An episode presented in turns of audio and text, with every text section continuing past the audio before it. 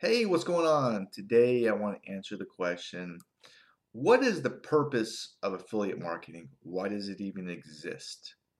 Good question, okay? And I really think there's two worlds out there. I know this sounds like something from the Matrix. There's a red pill or blue pill. Uh, there's the real world, then there's the internet world, okay? And you're seeing this where the internet gro- world is just growing and it's just changing things. It just it really is. It's just you know everything's in play now because the internet. So these two worlds, and uh, in the internet world, people make deals. They buy and sell physical products, goods, informational products, services, many other things, just like in the real world. Okay. Uh, for example, in the real world, you could find good real estate deals and then sell that deal to an investor uh, and make money. In fact, I was watching a was a Dave Ramsey video, and after he uh, got in trouble with money, this is how he made a bunch of money. So he says, uh, but it's pretty interesting. That's how he got back on his feet again. But uh, in the internet, you could do something similar, okay, like that. It's very similar. And you can find people looking to move their products or services and connect them with people looking for them. Okay? So you get paid when the deal goes through. So everybody wins, including you. That's a great, great thing for everybody. So to help you ensure the deal goes through, you can use something called an autoresponder. And all the autoresponder does is really help you communicate with people, customers, and communication is a very, very valuable skill. Okay, we can all improve upon that.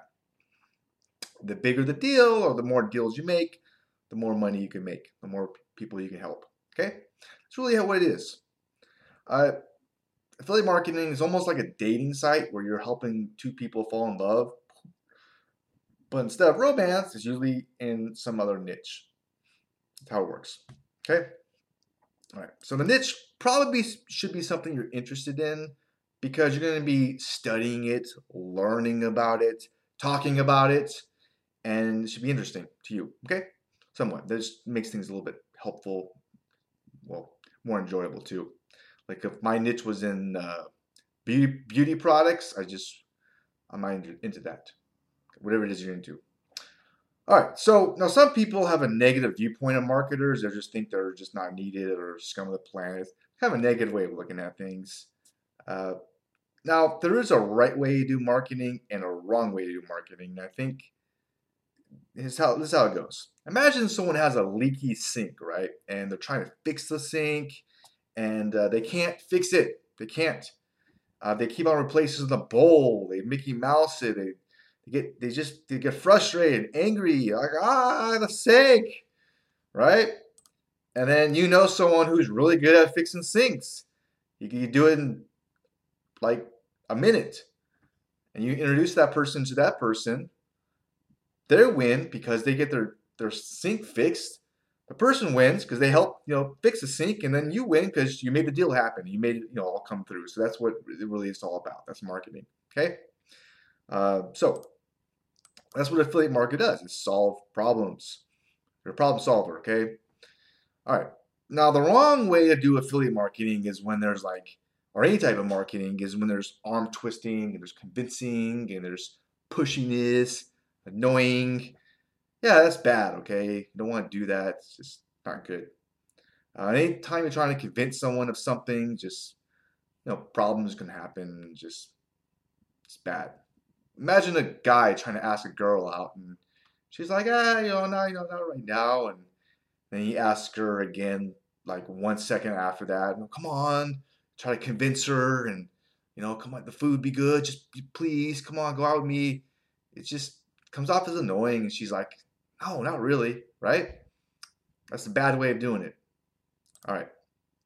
Uh, that's pushy, it's annoying, and that's what gives well, some people in sales or marketing a bad name, something like that. Okay? All right. So the cool thing about the internet now is you can manually talk to people if you want to, and I do now and then because I like it. But there's all different types of ways that you can, you know, you don't even have to get rejected. You can make videos or, you know, write posts, ebooks. There's many sites you can you know, communicate with people on. So there's many different ways you can do this business, and that's what's really cool about it. It's very flexible around your schedule. You can still make some pretty good money, and it's a great thing to do on the side uh, to make some extra cash, or if you can even do it full time too. Okay. So, anyways, I hope this video podcast might have been somewhat helpful on why affiliate marketing exists. Okay. Uh, I just want to talk about it. Uh, as always, your comments or thoughts are always appreciated.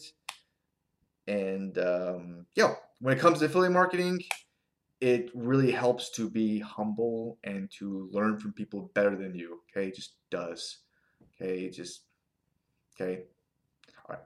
And there's only one person I recommend for that because he's really, really good and he helped me out a ton, a lot. Very worth it. So I can't help but recommend him and I can't hesitate. He's very good. Okay, he's been doing it for 20 years. He knows what he's doing. Uh, so if you want to know who this person is, just click that link below, or you can go to the website at trustthelink.com because you can trust the link. Okay, I wish you the best. Uh, have a very awesome rest of your day. Take care. Bye for now.